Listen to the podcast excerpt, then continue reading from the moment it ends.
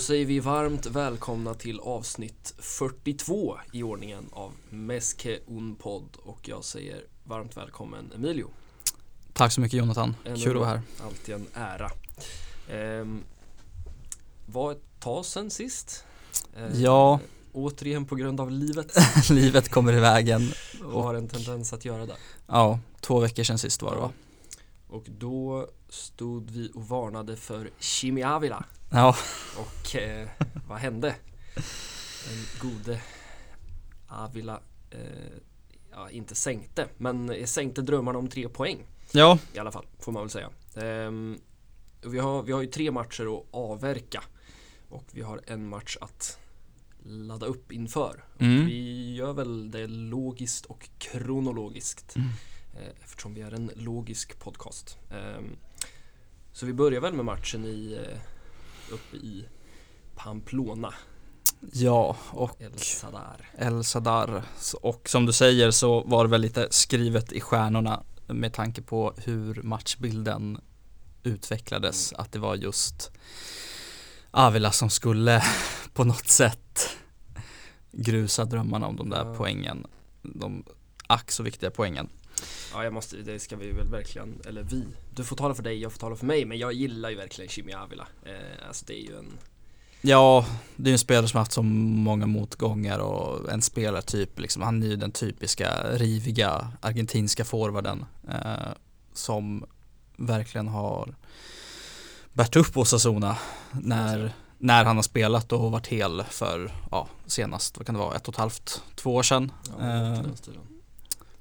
Och eh, ja, det är, det, är, det är en väldigt fin spelare och en riktig La Liga-profil Mm. vi har att göra med. Jag tror vi nämnde väl det senast också vilken anfallsomsättning de har För Mm. att vara, med all respekt, för, men för att vara Osasuna med Ante Budimir och eh, Kike Som startade Ja, Och så Chimi då, det, det är en Det är en trea som inte går av för hacker i ett mittenlag i La Liga nej, alla de där skulle väl vara första forward i, vad ska man säga, bottenhalvan av ja, tabellen det får man nog eh, i de lagen. säga. Sen vet jag inte vad som är botten och toppen den här säsongen.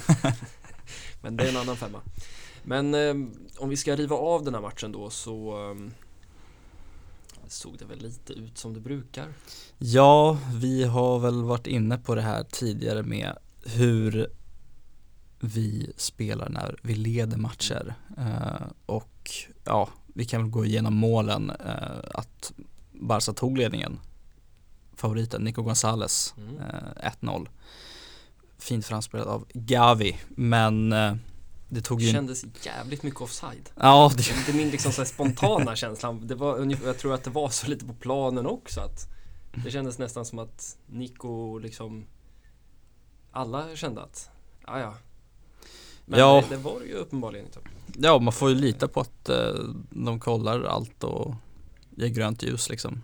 Ja. Eh, och eh, det blev avspark och det tog väl inte så jättelång tid innan det stod 1-1 på, på resultattavlan igen. Eh, och eh, sen har vi en till som gjorde sitt första mål. Eh, Jag, vet, vad, vad, jag såg någon siffra på Det var en fjärdedel av målen Mm. som var Det är dumt att lyfta en statistik man Ja. inte kommer ihåg Men var det att de skulle vara under 22 eller att det var debutant Mm. eh, på något sätt Men eh, summa summarum är väl att de här nya spelarna Gör avtryck ja, eh, Verkligen. Måste man väl ändå säga och det är Abde Abde som fallet. eh, fint eh, satte bollen uppe i det vänstra krysset. Eh, och det är kul. Vi kommer nog få anledning att prata med honom när vi avhandlar den senaste ligamatchen också. Alldeles säkert Som han startade. Men eh, ja, 2-1 och eh, det är väl alltid kul liksom. Men sen blir det här att man helt släpper släpper alla tyglar är väl det positiva men i negativ mening och eh, tappar helt liksom. Eh, Ja, det är ju spännande för att man Det är så svårt att säga vad det beror på, Mm. tycker jag. Eh, I alla fall i viss, alltså Vi har ju pratat mycket under hösten om det här med liksom, att det ser inte ut att hålla rent fysiskt. nej, Alltså spelarna har inte vad som krävs. Och vilket ju blir extra tydligt. Jag menar Bayern till exempel när vi blir fullständigt avklädda. Men i sådana här matcher tycker man ju ändå att, för, för uppenbarligen så finns ju den tekniska förmågan där. Eh, jag tycker det har sett, måste jag ändå säga, sen Chavis ankomst lite knackigt i början men nu tycker jag att det börjar sätta sig. Man har hittat Araujos roll ute till Mm. höger. Eh, man har de här två vingarna som, som i princip slickar kanterna.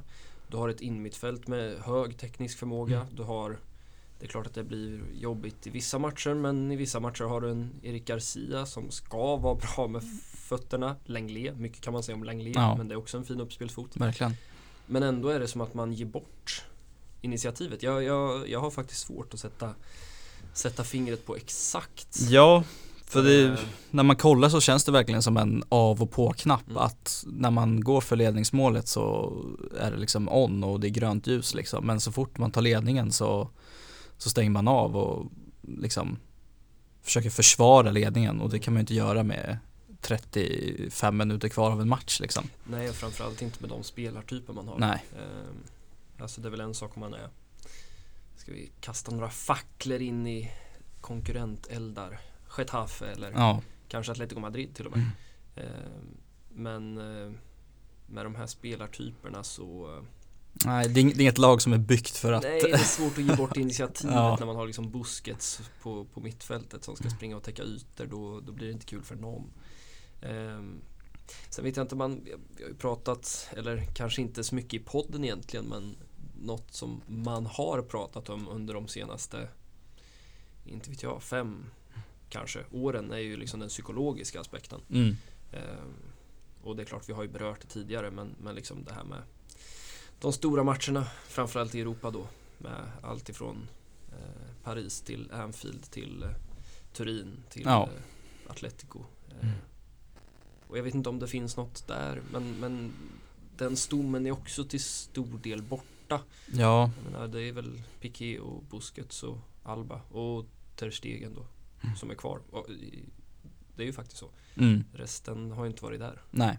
överhuvudtaget egentligen. Ja, och det är som du säger, alltså det är svårt att peka på något spelmässigt, något taktiskt som säger att det här laget inte kan spela när man leder en Nej. match. Utan det, allt pekar väl åt att det är någon form av mental spärr på något sätt. Ja, som, man har också svårt att se speciellt liksom Xavi att han skulle välja att ge bort Ja. initiativet. Nej, verkligen. Eh, Och just som du säger så här när det är 30-35 minuter kvar av en match.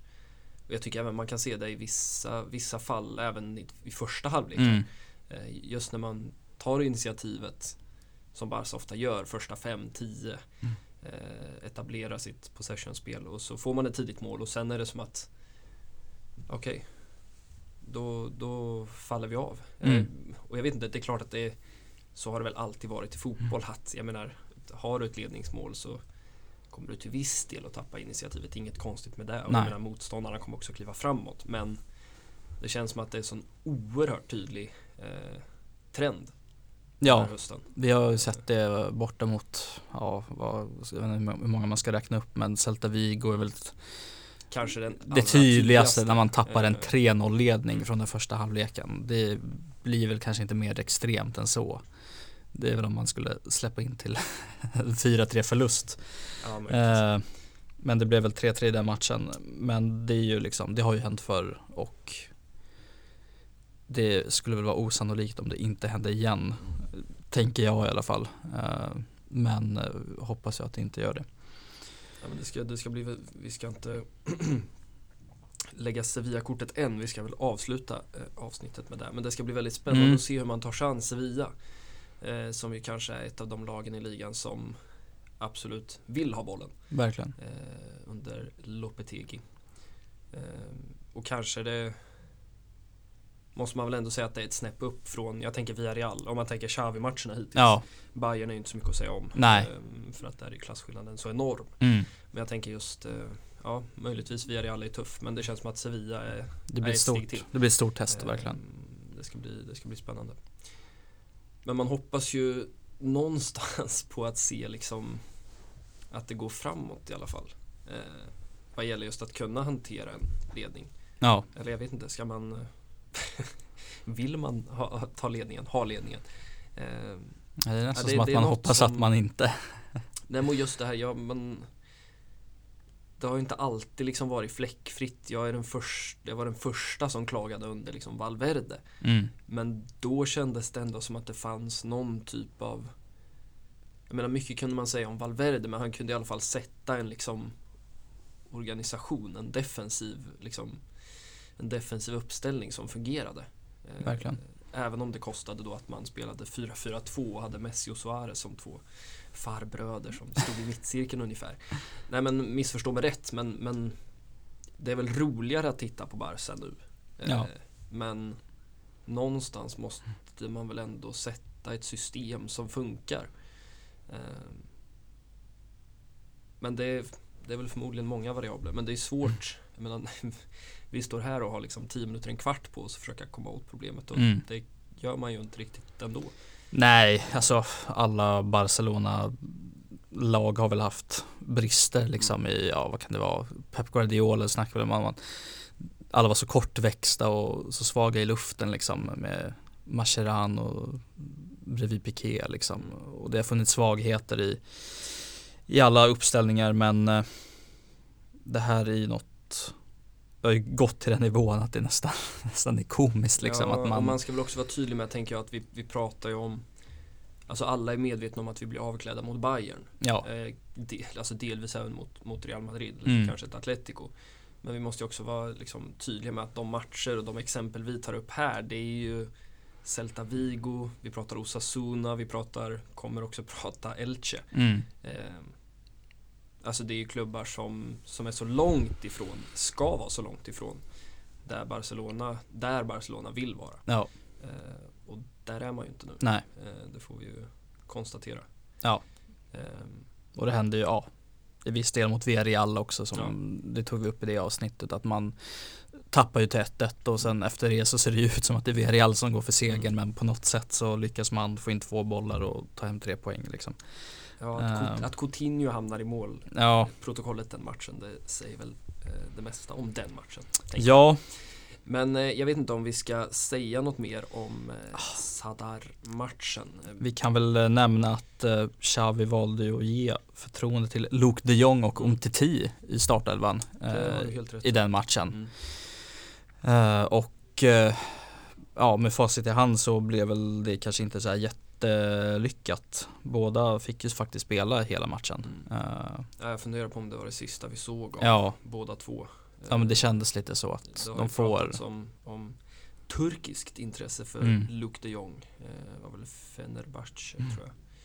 Umtiti har väl pratats om Benfica ganska länge.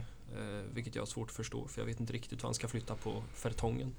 eller. Otamendi. Eller Otamendi för Ja. den delen. Ehm, men nej, alltså ju snabbare de försvinner desto bättre tänkte jag säga. Vi ska, vi ska väl ta lite transfer eh, talk eh, senare. Men ehm, det känns väl lite så.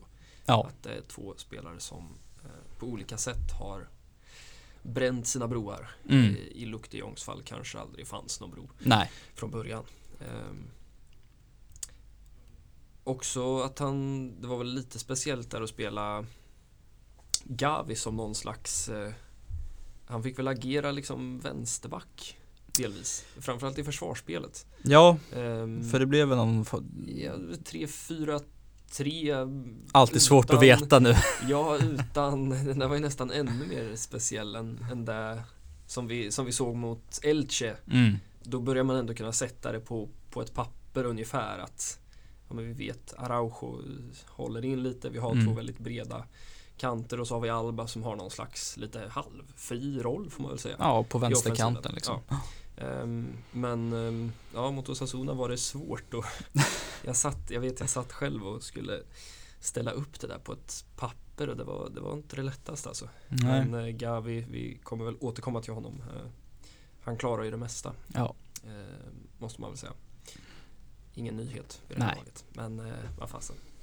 Nej men eh, känslan var väl ändå två tappade poäng. Ja. Det är väl så vi får, eh, får låsa in den matchen. Och eh, det kändes som att det började liksom bli eh, så har man ju stått här och sagt i princip varje omgång men att Känns liksom obehagligt med poängtapp efter poängtapp efter poängtapp. Mm. Och, ja, det kanske bara skiljer en 6-7 poäng upp till en fjärde plats. Men ja, vi ska också ta 6 eller 7 poäng Mm. mer.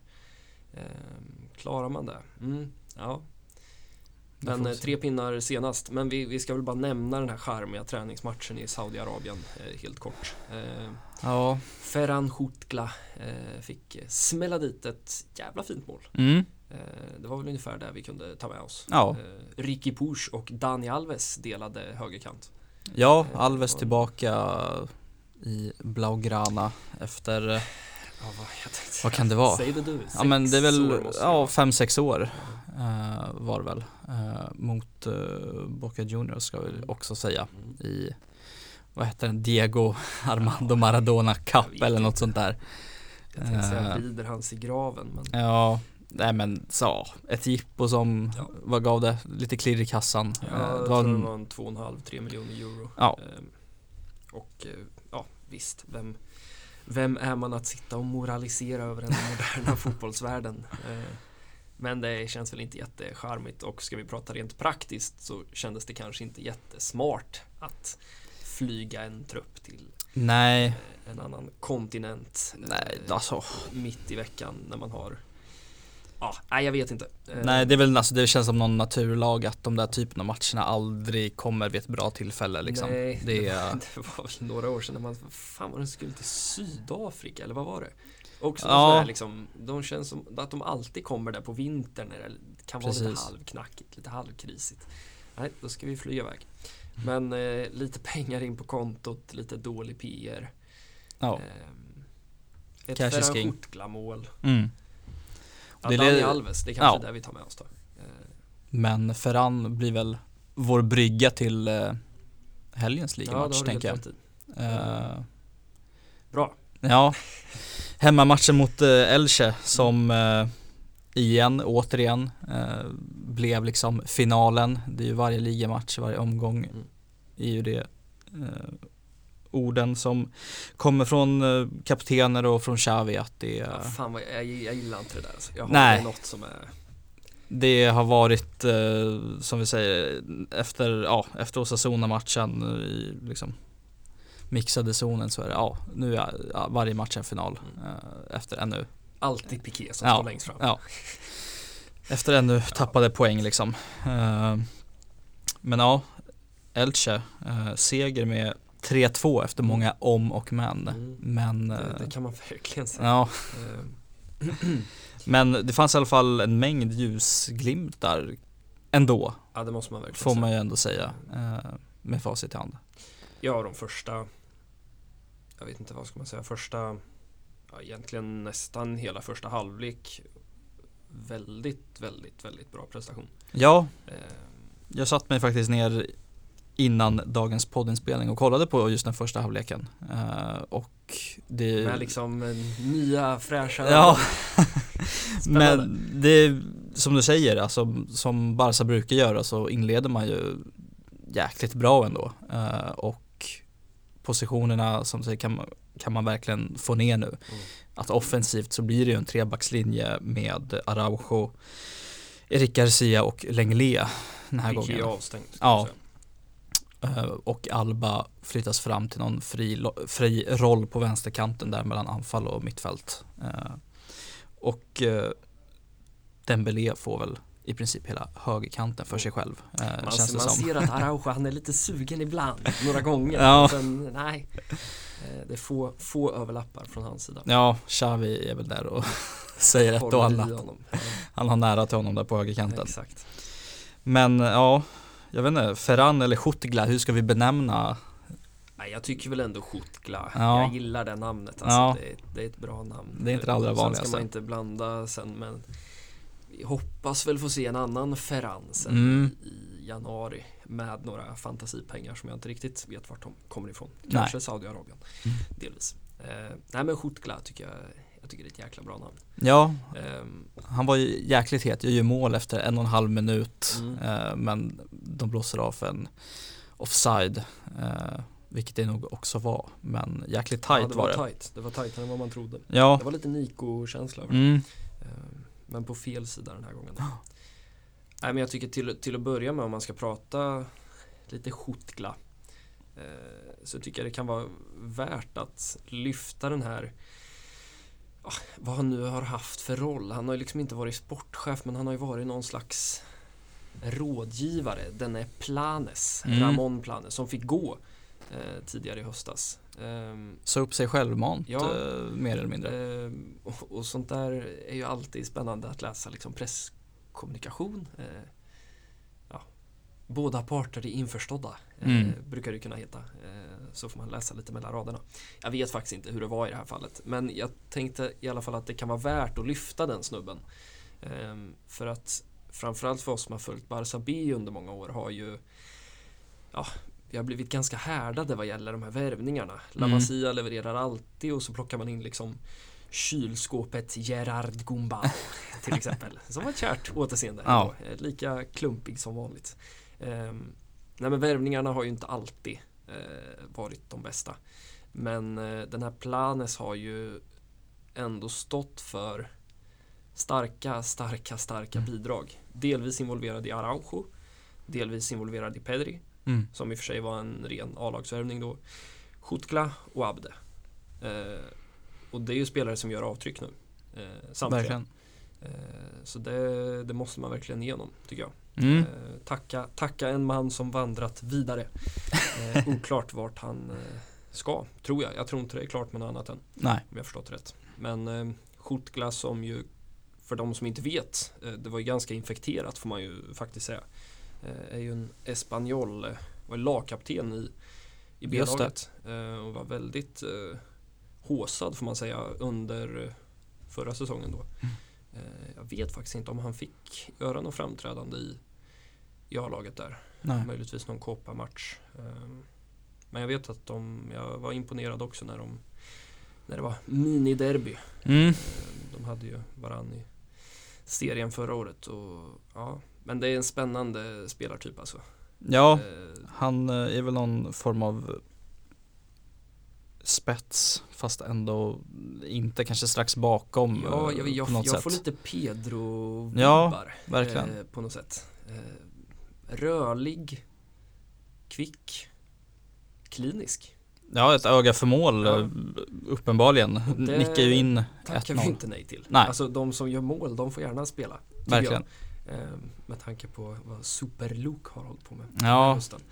Bland annat. Där kan vi dra en, en kanske inte så smickrande parallell för honom men eh, han har väl inte uträttat så mycket och Ferran kommer in och nickar in ledningsmålet efter Ja. dryga kvarten. Eh, liksom. Nej men pigg, eh, pigg insats måste man ju säga. Eh, sen ska man väl också säga att han är ju 22. mm.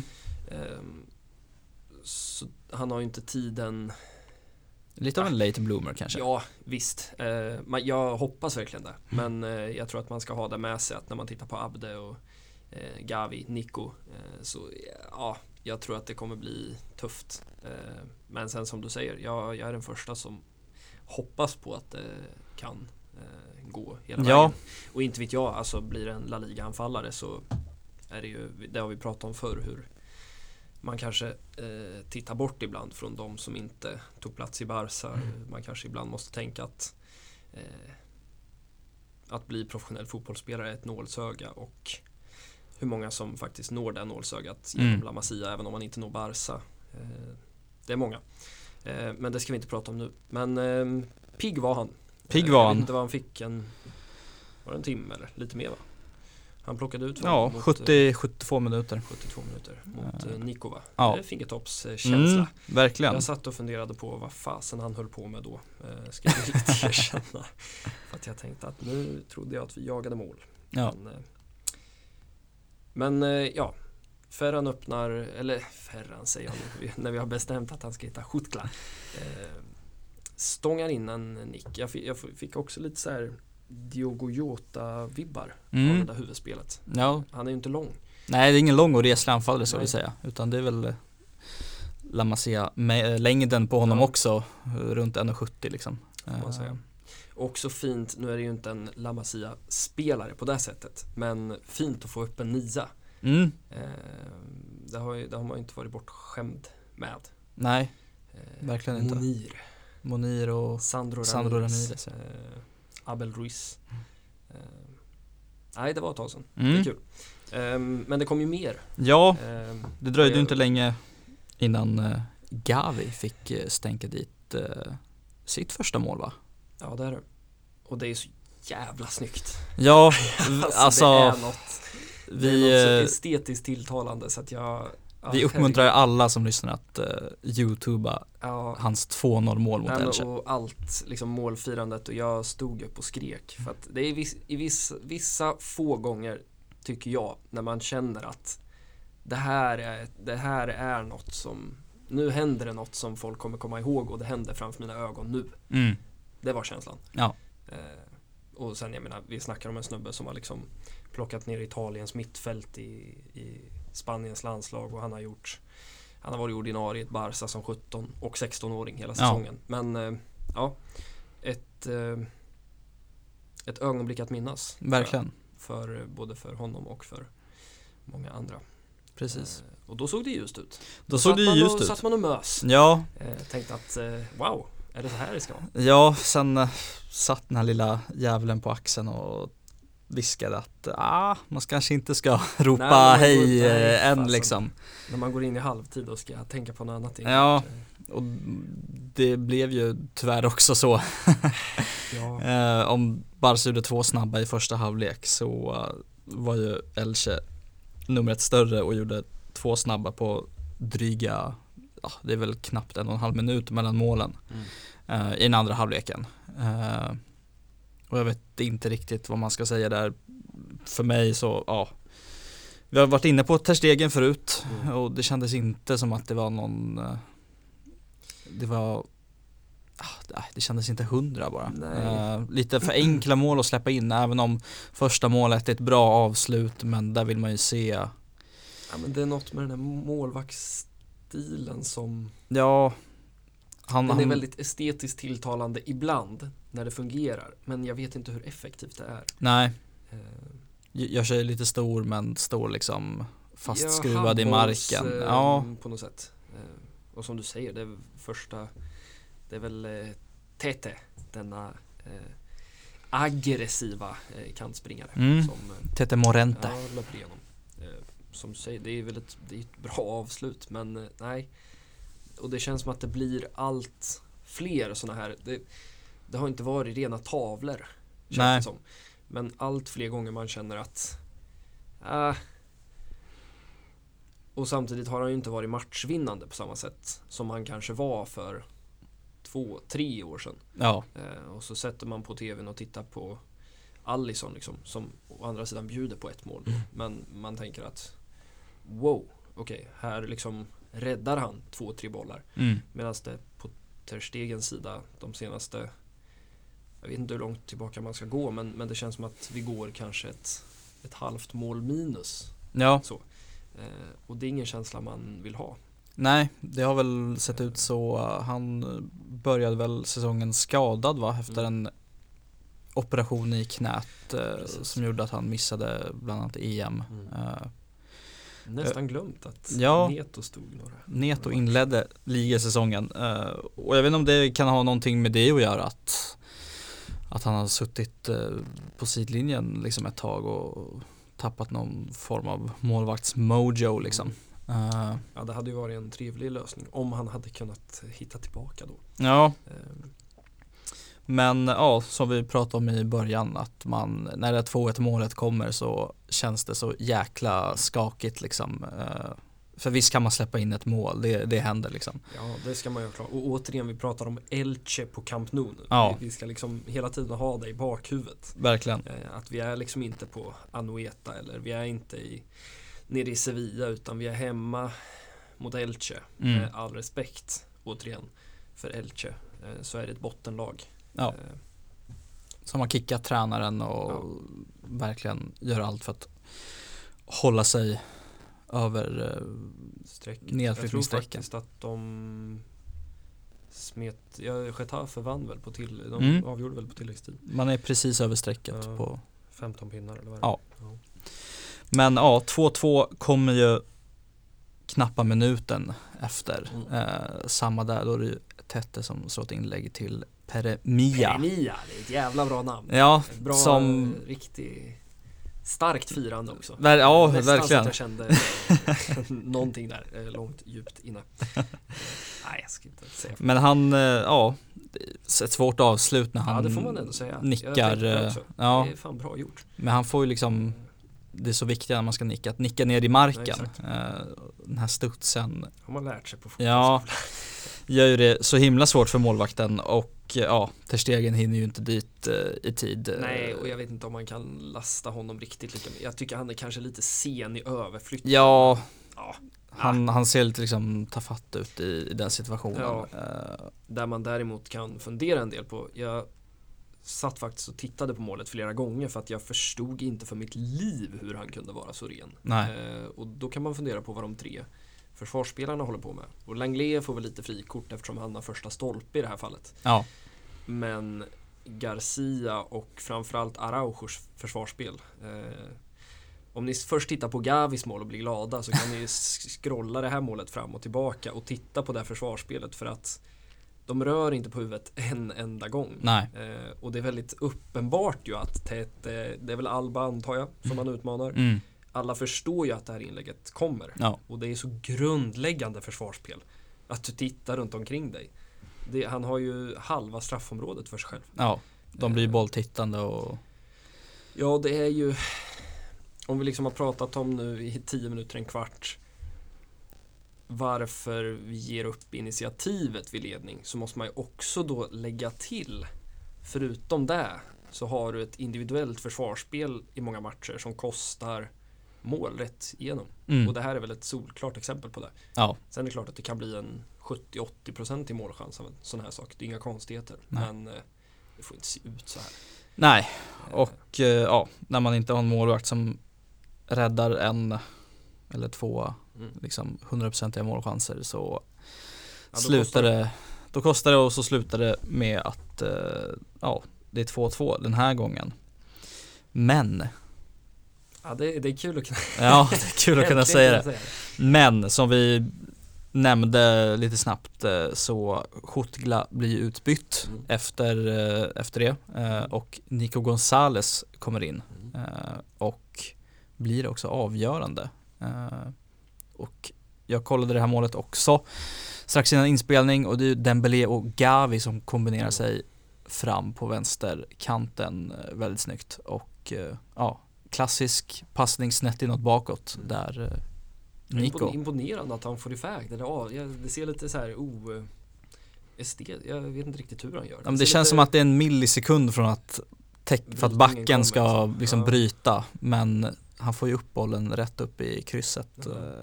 I 85 Ja. Eh, Andra La Liga-målet. Ja, andra raka målet Ja, i, i ligan. Eh, Så eh, Nico gör ju, även om inte han fick chansen från start, så visar han ju fortfarande att han ska vara med där. Ja, det måste man verkligen om, säga. Jag vet inte om vi ska stanna lite där vid just mittfälts. Jag satt och funderade på det, både under matchen och eh, faktiskt på vägen hit. mm, Eh, satt jag och tittade ut över Stockholm och tänkte på Barsas mittfältstrio. Mm. Eh, Inte lika grått som Stockholm denna måndag, nej, eh, får man väl säga. Eh, nej, verkligen. Även om de Jong har haft bättre dagar, Mm. eh, blev ju utbuad.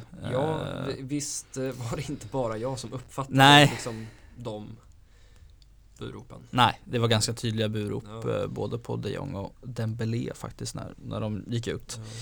Men eh, ja, och med Pedri skadad, det, vi har ju inte ens pratat så mycket Pedri rent spelmässigt Nej, liksom. Det är som att man har glömt eh, lite, och vilket ju säger en del om vad Gavi och Nico Ja, verkligen. Ehm, Men eh, Det är ett riktigt lyxproblem när alla är hela och friska. ja, eh, för jag som- vet inte hur man eh, Men först om vi ska stanna upp i att stanna upp då Mm, eh, Inception vänligt nog så kanske vi ska stanna lite vid Frenkie de Jong också. Ehm, för han har ju fått eh, löpa korståg måste man ändå säga i katalansk press senaste veckan, veckorna. Eh, tillsammans med Ter Stegen. Ska Verkligen. man också Mm. nämna. har ju inte alls presterat på den nivå eh, som man förväntar sig, som han Nej. förväntar sig, tror jag. Eh, det måste man väl vara tillräckligt ärlig för att säga.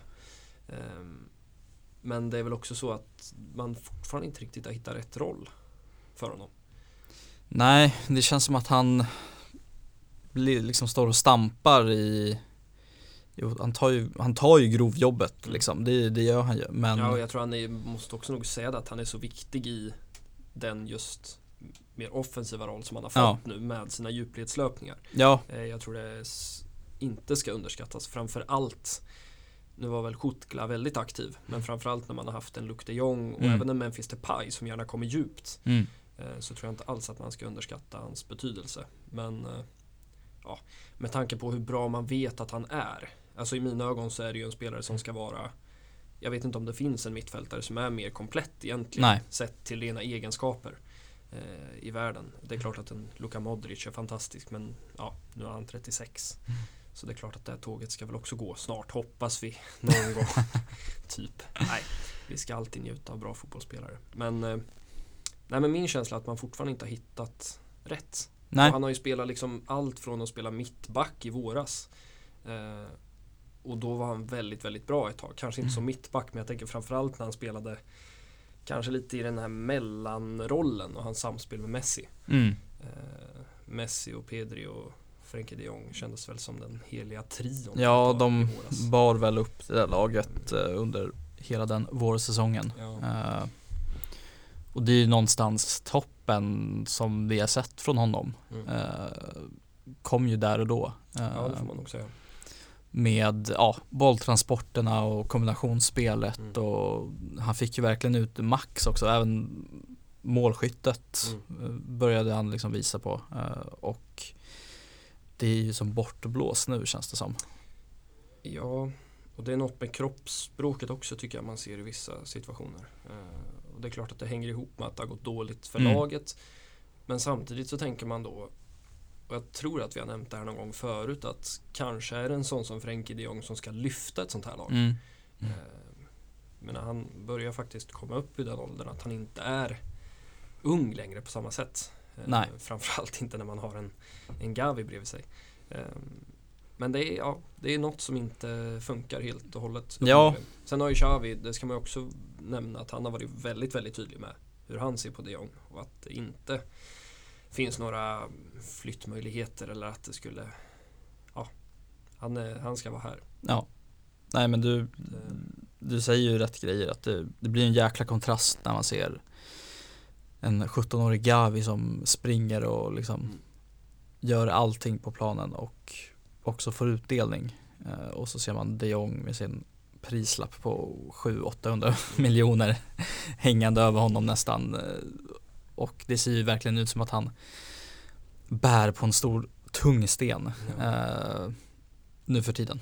Eh, Ja, jag vet, jag vet inte riktigt heller vad som är rätt position. Eh, för nu, även under, under Xavi så tänkte jag att nu kanske det ska experimenteras lite och det har det väl gjort. Men han har ju fortfarande en ganska tydligt offensiv utpräglad roll. Och eh, det har väl varit en fråga som man har pratat om väldigt länge att Oh, vad skulle hända med alltså ska, ska inte han spela på Busquets position? mm. Eh, Och jag vet inte, det kanske är dags att testa. Samtidigt känns det som att man tappar en del av hans egenskaper. Jag tycker Ja. en del av hans egenskaper gör sig väldigt bra i en nummer sex roll om man ska prata i de termerna. Precis, med en mittfältare bakom som Mm. kan täcka liksom Mm. ytan som såklart Vilket upp. ju också var fallet i Ajax, vilket Mm. är en av de missförstånden som jag stör mig allra mest på. Frenkie de Jong spelade inte defensiv fältare i Ajax. Nej. Han hade för fan dansken bredvid sig, Lasse Schöne, som städade. Ja, Underskattad, ja får man oj. Som han flög den Ja. Champions League-våren. Vart Slog, slog väl för ett ruggigt jäkla drömmål i, Ja, ja, var det kvart, ja, kvarten Ja, mot Real. Mm. Ja, det, var en, det var en fin vår tills eh, ett och annat hände i de där semifinalerna. Ja, Eh, men det ska vi inte prata mer om nu. Nej men, eh, ja, jag, jag tänker att man får väl eh, Det ska bli väldigt spännande att se vad som händer den här våren. mm. Eh, för det känns som att det är många frågetecken. Alltså, jag tänker ett, hur ska Pedri komma tillbaka? ja, Eh, alltså, haft en genombrottssäsong man blir lite rädd och detsamma gäller ju Ansu Fati, känner jag.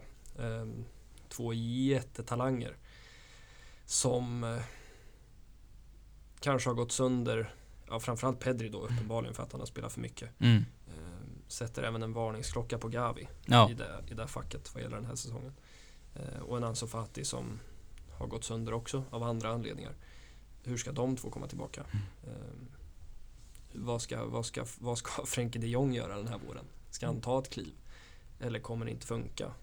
Och jag tror att om det inte funkar den här våren vad nu en Xavi må säga på presskonferenser i december så tror jag att Frenkie de Jong är en spelare som kan ligga risigt till Mm. en sommar där man vill få loss kapital och där man har spelare som kommer fram bakifrån. Ja, Eh, det skulle sägas att han är ju också den spelare som kanske är mest värdefull i hela truppen. ja, det får man nog säga. Som, som säljs, alltså en Ansu Fati eller en Pedri Ja. säljs ju inte. Eh, nej men det är väl han och, och Dembélé i så fall. Om man Mm. nu skulle kunna få till en förlängning med Dembélé för att sen kunna sälja honom. Eh, och vad ska hända med Ricky Push? Mm. Eh, det är väl också en ödesvår. Ja, eh, han fick man ju säga. ett, ett inhopp i alla fall mot uh, Elche där i slutet Ja, med Och kvarten kvar. jag tycker alltid man står och säger samma sak. Det är en profil som jag tror kan vara nyttig. Mm. Det är klart att Koman har ätit upp ett och ett halvt år Mm. eh, av hans utveckling. Jag drömmer ibland om vart han kunde ha varit om han hade fått regelbunden speltid. Mm. Nu kanske det är för sent men ja, det känns som att det kan hända en del på det där mittfältet under våren.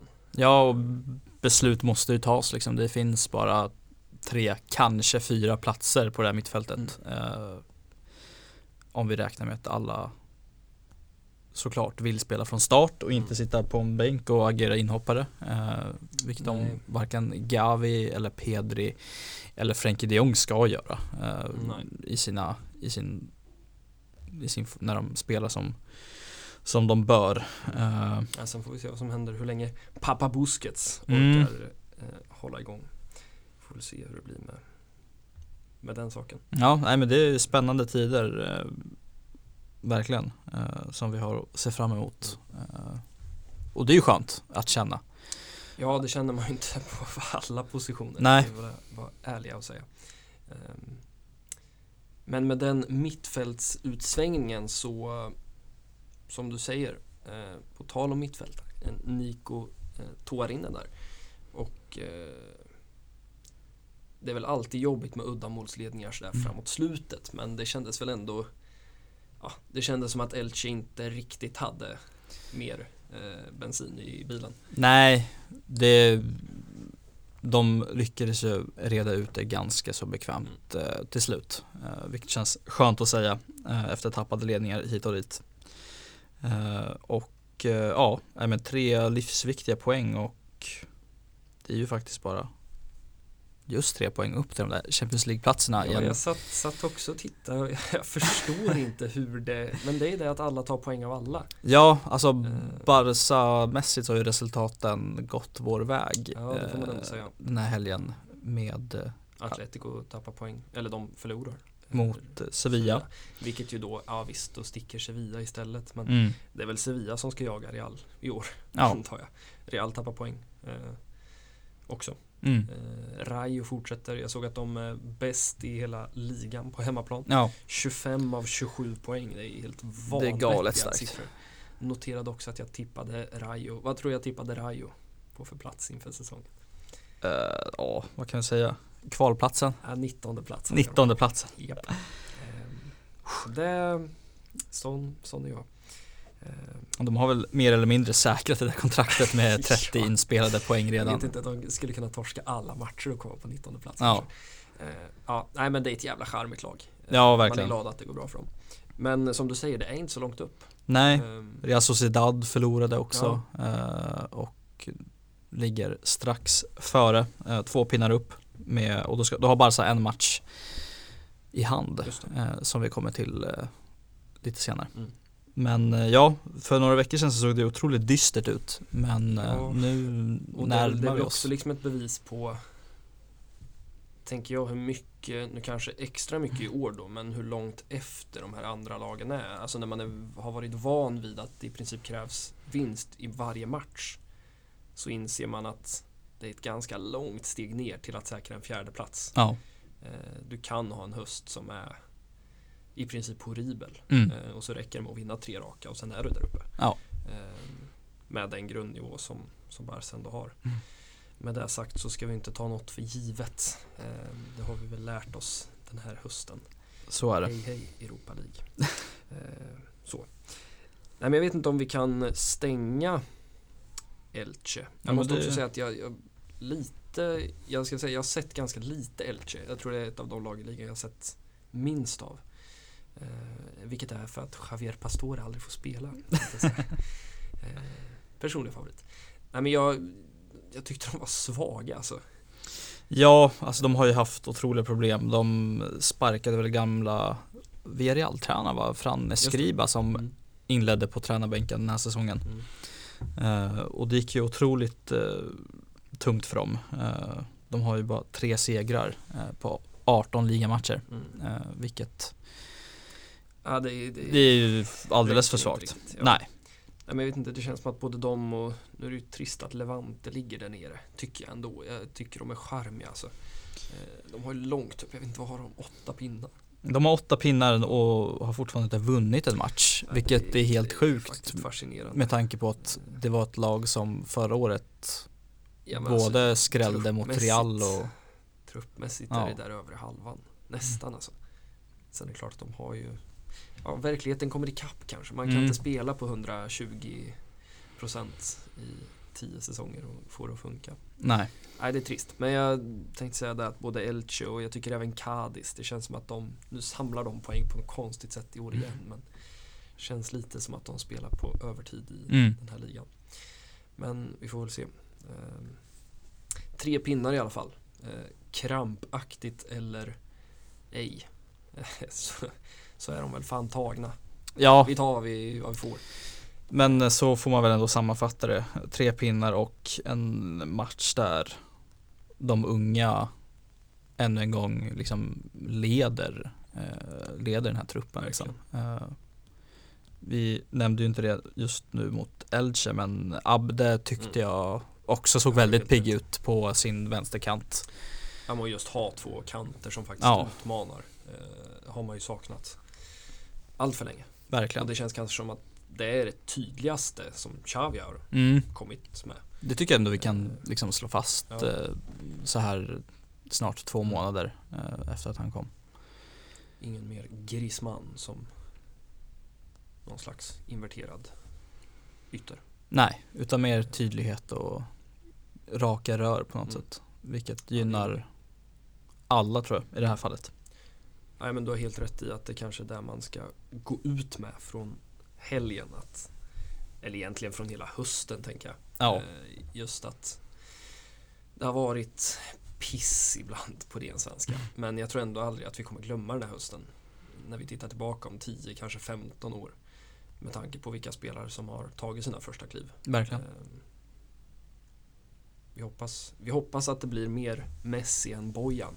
Sen är spektrat väldigt långt däremellan. Men eh, det ska bli väldigt spännande att följa även framöver. Ja, Eh, och det, tar, det är ju inte allt för långt bort tills vi får se dem spela fotboll igen. Nej, Eh, redan, redan imorgon är det dags för den, eh, ja, jävligt tuffa Ja, det får man ändå säga. på ren svenska, bortamatchen mot eh, Sevilla. Ja. Som är den där hängmatchen som sköts upp i början av säsongen. Ja, Eh, jag kan inte ens knappt säga vilken månad det är. Ja men det det här, ja det här var väl, om inte jag minns helt fel, en match som skulle spelas i omgång tre. Ja. Men eh, det var väl på grund av de här Copa America Ja, någon eh, typ av landslags... Ja, sydamerikaner som var borta Ja. och det var väl covid eh, faror hit och dit eh, med karantänkrav och det fick ju Premier League-brassarna åtminstone Ja, och argentinarna eh, smaka på. Eh, ja. ja, i vårt fall är det väl... Det var väl egentligen Araujo som, som skulle hem. ja, och Sevilla har ju en hel del argentinare eh, Ja. som vi vet. Så de sköt upp den matchen eh, och den spelas imorgon 21.30. Ja. Eh, Charmig avsparkstid. ja, Gillar man. Veckomatch. och det är ju en match där väldigt mycket står på spel för båda lagen. Vinner Sevilla så är de bara tre poäng från Real Madrid i ligatoppen.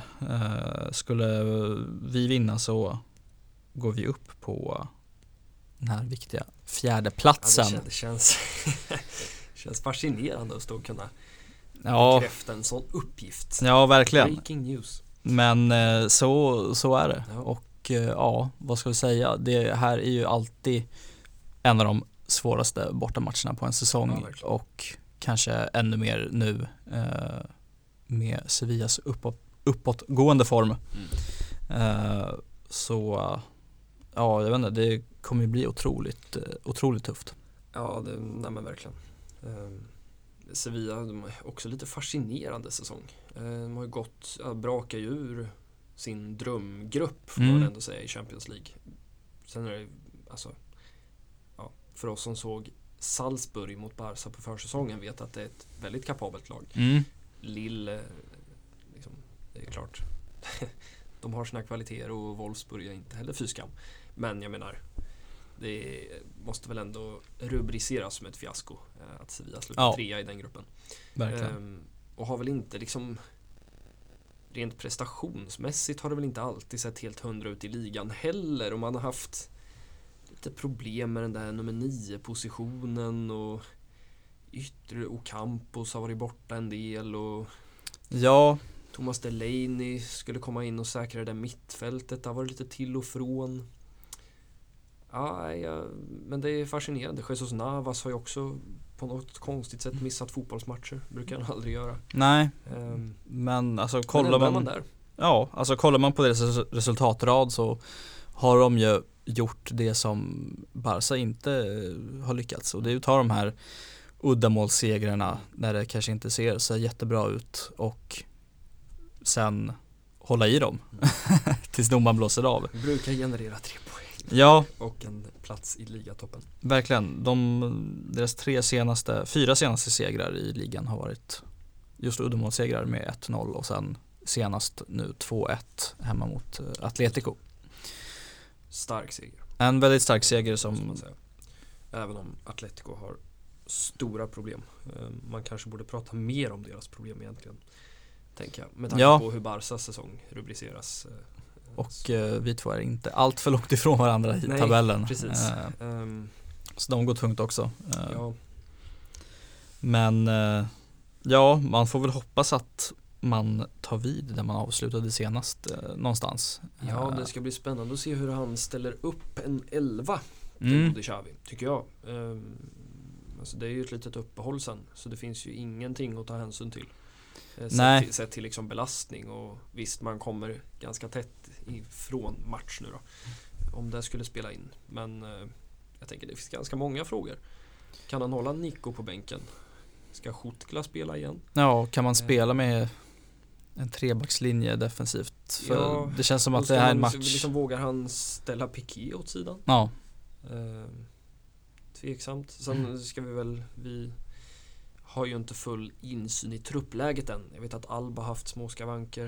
Eh, Memphis Depay, vad jag har förstått, är väl i princip utesluten. Mm. Eh, I alla fall från start. Men Ja. Jag har ju inte fått någon tid alls där, vad jag har förstått. nej, det är väl pending on the players progress Ja, eller vad man skick, skickar ut i alla, Ja. Nej, jag vet inte hur man ska alla det. presskanaler. Nej men det känns som att han har en del att fundera på Mm. i alla fall, Xavi. Eh, Dembélé och Abde känns väl ganska självskrivna. Gavi och Busquets och Ja, och Ja. Ja. ska han få in Nico eller ska han spela Dembélé som nia? Det känns Mm. långsökt. Kanske, eller? Jag vet inte. Han har lite att fundera på. Ja. För, för egentligen kanske första gången ur positiv synvinkel. Ja, Måste verkligen. Man nästan säga. Alltså, vad ska jag välja? Här har jag två bra alternativ. Känns inte riktigt som det har varit så eh, under hösten. nej, Jag sa- vet också, jag satt och tänkte på liksom det här Gala-elvan som man har pratat om.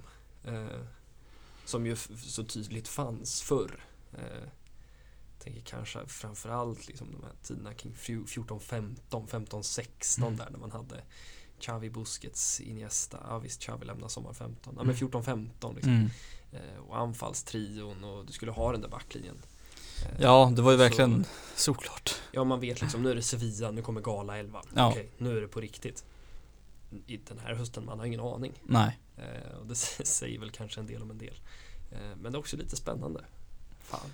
Ja, Eh, man gillar ju, eller jag gillar i alla fall liksom, se Ferhan Schutkla göra sitt första mål. Eller se en, jag menar, ta en Carles Perez. Jag också älskar att se honom göra sitt första mål. Sen blir det inget, men fasen. Nej, men det är verkligen något spännande och speciellt när man ser de unga stjärnorna få sin chans i Ja. rampljuset och det kommer ju Schotgla få åtminstone ett tag till. Ja, det, Eh. det kan man väl nästan förutsätta att han eh, ja, är en del av A-truppen. I Ja. alla fall tills en viss Cavani kanske kommer in då. Mm. Eh, vi ska väl bara ta det helt kort sen. Men jag tänkte bara för att avsluta Sevilla-spåret så får vi väl se om vi får se en svensk också. Ludvig Augustinsson. Ja, som har varit in och ut från den Ja, där startelvan. Eh, han har väl haft eh, ganska tuff, det tog väl ganska länge innan han överhuvudtaget fick göra minuter. Eh, men har, jag har inte sett allt. Eh, jag brukar försöka se Sevilla för jag tycker om att se Sevilla. Eh, men av det jag har sett så har det varit ja, ganska upp och ner får man ändå säga. Mm. Eh, och jag funderade lite på, det är ett supercoolt klubbval. Men just hans spelstil, jag vet inte. Det rimmar inte riktigt med spansk fotboll för mig. Nej, Jag tänker Tyskland eller kanske England. Ehm, men vi får väl se. Ehm, han har ju tuff konkurrens där. Ehm, och senast tror jag väl Rekik gick före. yes. eh, som ju är mittback egentligen. Och jag vet inte riktigt om det sänder några kanonsignaler. Men eh, det vore kul att se. Ja, han kan få jobba mot eh, Dembélé verkligen. högerkanten om så blir fallet. Ja, nej, hans höst eh, visar väl på ändå skillnaden mellan ett eh, Werder Bremen i botten av Bundesliga och ett Sevilla som i höst då spelade Champions League och Mm. som såklart går för en plats eh, till nästa år och Ja, man får väl säga europeisk toppfotboll ja, utan tvekan. helt enkelt. Och jag menar det är coolt att, att man är där och att en sån klubb eh, lägger de pengarna. Eh, måste man ändå säga. Verkligen. Eh, man gillar också att han tar den eh, utmaningen tycker jag. Eh, men som sagt, vi hoppas väl och det, det vore kul. Ja, Få se honom jobba. Dembélé mot eh, Augustinsson. Det är, Det är en duell. Med det sagt är det ju många ytterbackar som har haft det jobbigt mot Dembélé så det hade ju inte varit fy skam. nej. Ehm, Men nu hamnar vi lite ifrån den där snygga bryggan som jag tänkte använda. Men vi ska bara nämna lite kort. Eh, Jag har skrivit upp så jäkla många namn. Men eh, januari närmar sig ju. Det gör det. Ehm, Och eh, Ferran Torres har vi pratat om tidigare. Men sen vi stod här sist så jag vet att det pratades en del om Cavani redan då. Men eh, det har verkligen intensifierats sen dess. Eh, Och nu låter det som att det verkligen är prio. Ja, de två värvningarna verkar ju vara de som eh, är de självklara eh, i nuläget. Eh, Sen kan ju mycket hända och man ska väl inte tro på allt som man läser i katalansk media. Ska gudarna veta. Men det verkar ju verkligen så. Och Xavi prioriterar ju en nummer nio. Det är ju offensiven som Mm. man måste få in någon med tanke på Agüeros farväl eh, som vi hade i veckan också. Mm. Eh, att han får, det var väl som vi misstänkte, att eh, det där felet, eh, hjärtfelet skulle sätta stopp Ja. för, Nej, men framförallt med den där tystnaden som var väldigt länge. ja, Det brukar ju tyda på eh, dåliga nyheter. Och eh, vi, det ska vi väl verkligen passa på. Nu lär väl föga eh, dessa kondolenser Mm. komma fram till den gode eh, Kun Agüero. Men eh, vi får väl tacka för den korta tiden. ja, Eh, det blev Och- fem framträdanden ja, och, och fint att avsluta med ett klassikomål också. ja, Eh, känns väl ganska talande för en, en av 2000-talets absolut bästa målskyttar. Eh, Ja. Måste man. när man såg alla highlight reels som spelades så insåg man att jäklar vilken eh, jäkla anfallare Ja, eh. Det är, eller var. Men oerhört tråkigt att det ska ta slut på ett sånt sätt. Ja, Men eh, naturligtvis tur att man upptäckte det i tid. Liksom. Ja, hälsan går alltid först. Verkligen. Och eh, med tanke på, på det och Luke de Jongs, eh, ja vad ska man säga, limbo på något sätt så Ja, är ju den där, milda ord. ja så är det den där nummer nio rollen som behöver, man behöver förstärka. Schutgla i all ära så kanske inte man kan sätta alla sina förhoppningar på en 22-åring som gjort sin första La Liga-match. Nej, det känns svårt. Så eh, nej men spontant så känns det ju rätt så spännande. Särskilt om man får in en ytterligare en Ferran Mm. i Ferran Torres. Eh, Nej, jag, det, det jag har suttit och funderat på är väl snarare kontraktslängden som jag har varit lite sådär. Det har väl pratats om 18 månader. Ehm, sen vet jag inte riktigt hur sugna United är på att släppa honom gratis. Alltså kontraktet går ju ut i sommar. mm. Och det har väl pratats ganska mycket om en återkomst till Sydamerika. Eh, och då kan jag tänka mig att det kanske hade varit lite annorlunda från Uniteds sida. Ehm, men att släppa, ja nu finns det ju inte någon liksom rivalitet överhuvudtaget. Nej, United kontra Barca, varken liksom, vad ska man säga, supportermässigt eller alltså rent sportsligt. Eh, Men eh, ja, jag vet inte riktigt hur de ska lösa det där. Om man behöver skjuta in någon miljon euro eller två. ja, Eh, Och visst, det kan man väl göra. Men ja, jag är lite sådär just att skriva 18 månader. Oroar mig Mm. lite. Måste jag ändå säga. Eh, alltså det är en spelare som är ja, långt över 30. Eh, 87 va, tror jag Ja. också. Eh, sen är jag svag för Cavani, har alltid varit. Eh, och det är ju en spelare som kommer in med energi och fart och fläkt. ja verkligen. Eh, Och målskytte Ja. Allt som Luke de Jong inte Precis, är kan man väl sammanfatta det. precis. Men samtidigt, jag menar det är en kortsiktig lösning och eh, Ja, nej jag vet inte. Det känns lite mitt emellan för mig.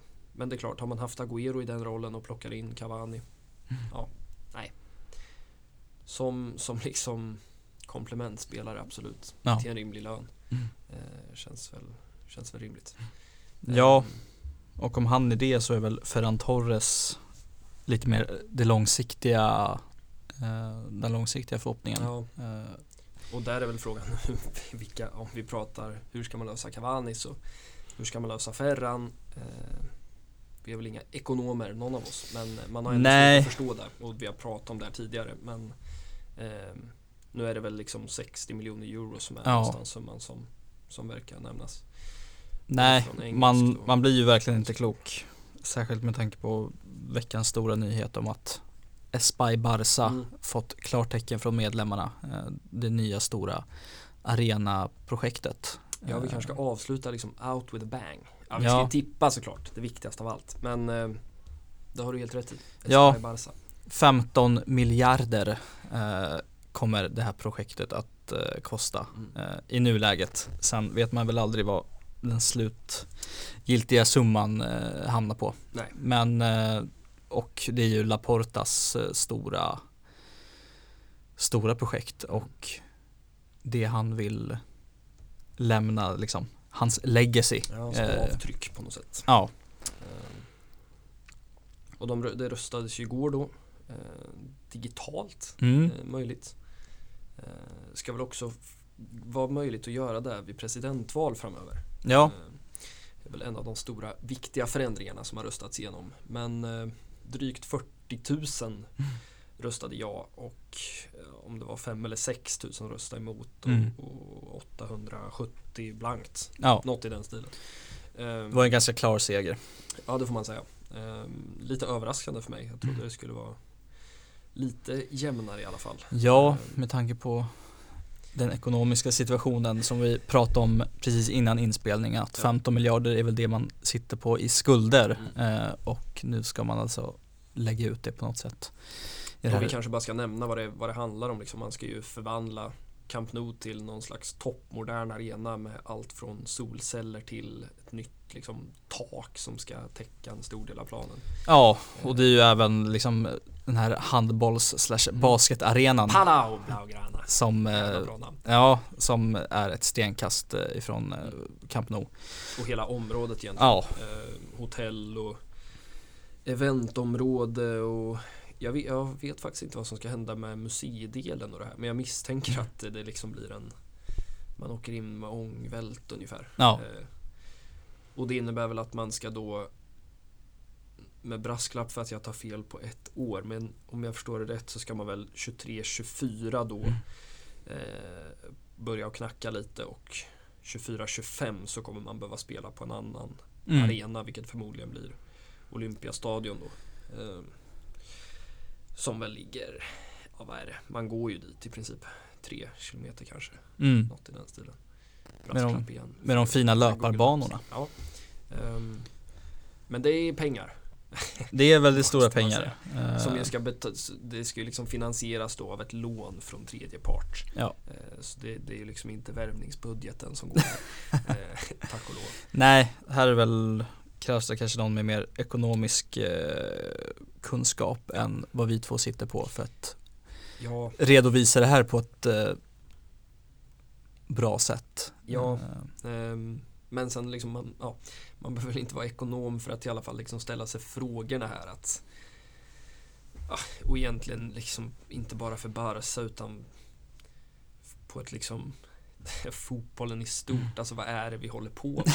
Eh, för att det är ju sådana summor och det är liksom någon slags eh, eh, för liksom en vanlig lekman så har man ju så svårt att förstå hur en fotbollsklubb kan ha, alltså vi, vi pratar ju liksom vi pratar ju 15 miljarder. mm. Alltså det är sådana summor så det är ja, det är helt galet. Ja, Eh, och, en, och ändå så sitter vi här och funderar på huruvida man ska lägga 60 miljoner euro på en Ferran Torres.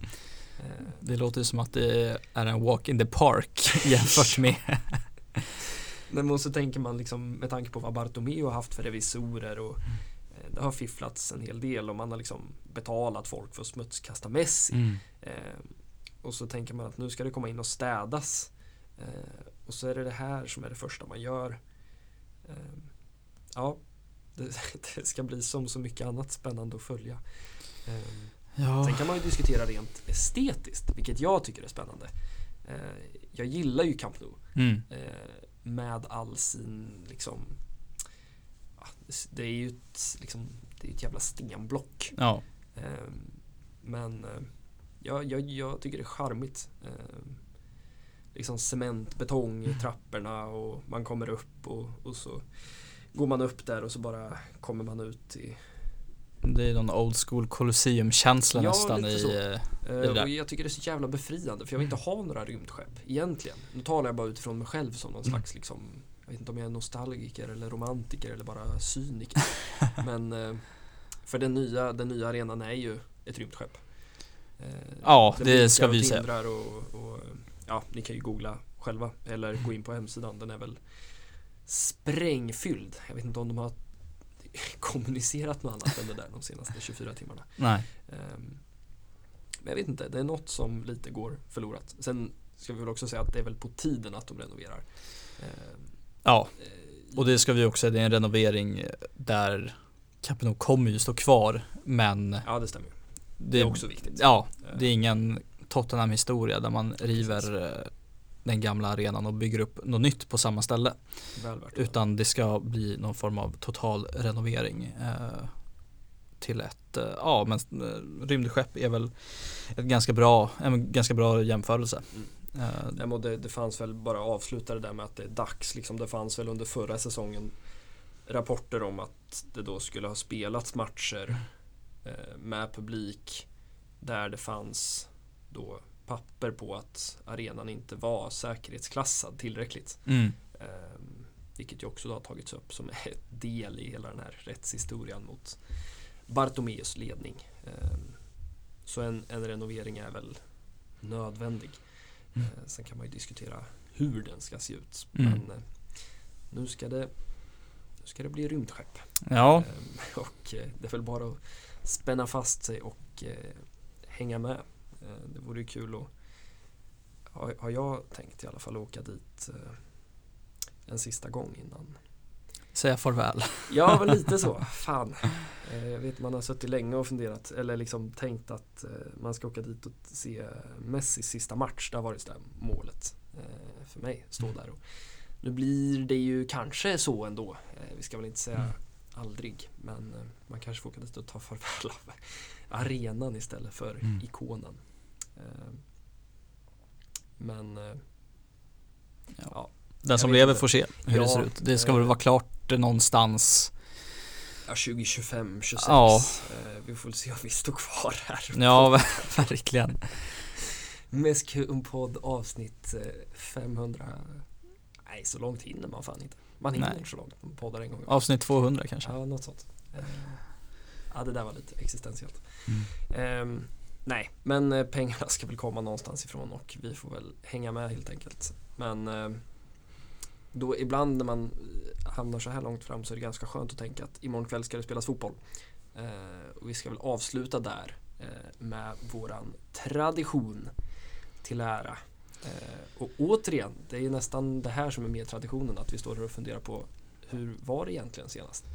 Eh, Ja, vi har ju funder- försökt luska ut, eh, bläddrat i mobiler och i våra anteckningsblock. ja. Men vi hann ju inte tippa Elche av eh, förklarlig anledning. Nej. Att det inte blev någon podd. Men eh, Osasuna har jag prickade jag in 2-0 till Barca. Men det gick ju inte. Nej. Och då är frågan vad jag tippade. Ja, jag, jag, jag vill säga att du tippade 2-1. Att du var lite mer, eh, Ja, Okej, då är jag lite, jag får skämmas lite mindre liksom. ja. Ja. Nej men det, det är taget. Mm. Eh, Och det var ju nära eh, att det blev så också. ja, det hade ju varit trevligt. Men sen delar vi också jord med Chimi Avila Så är det. som bekant. Men eh, Sevilla borta. Eh, jag har ju varit, jag har stått här i typ en månad och sagt att jag är pessimist. Och så har jag blivit någon slags optimist. Vilket är, Ja, alltså man, man vill ju så gärna att det ska gå bra liksom. Så, så Ja. är det ju. eh, sen så tråkigt att gå på så här, ja 1-1. Men jag säger nog 1-1. Ja, ja men då får jag ändå hugga till med, med 2-1 eh, Barcelona. Ja, det gillar vi. Eh, Schutgla gör mål. Ja, Igen. Det, det hade varit någonting. Och eh, man vill så gärna säga Ludde. Men Papo Gomes kanske? ja. Och Campos. Ja. Ja, då får jag, ah, Schutgla gör två. Säg det bara. Schutgla gör ett och eh, Gavi fortsätter sin fina, Ja, det, hade, det hade sin fina form. Ja. Vi får se helt enkelt. Mm. Eh, vi bäddar ner oss i mörkret och eh, beger oss i alla fall själsligt ner till Sevilla och Andalusien imorgon kväll. Och Ramon Sanchez Pizjuan. Eh, Nå, någon som- gång måste vi bara göra ett avsnitt där vi bara står och pratar om spanska arenanamn för att de är genomgående 4 plus. Ja, verkligen. Det här är Jag hoppas aldrig att de renoverar den arenan.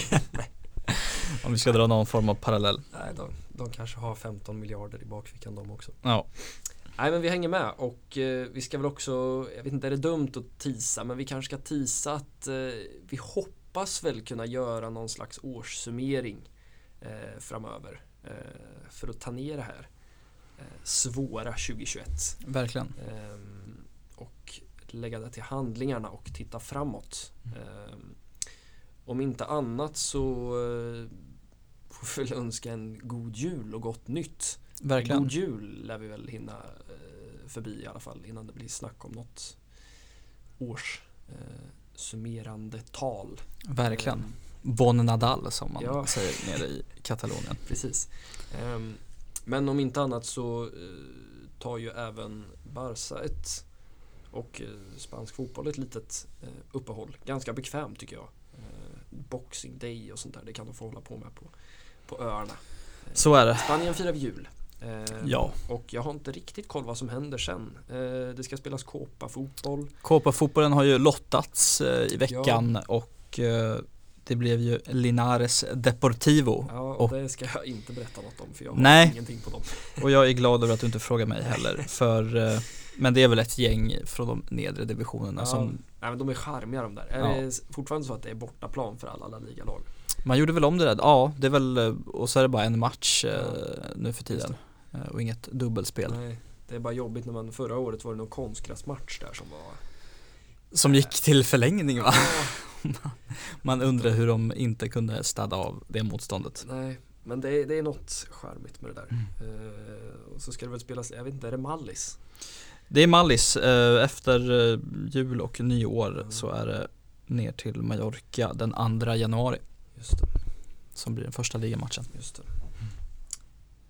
Då är vi tillbaka. Det vågar vi lova i alla fall. Det vågar vi lova. Och öppnar upp eh, 2022. Eh, om inte annat så ses vi då. Och eh, tackar för att ni har lyssnat idag. Verkligen, stort tack. Hej.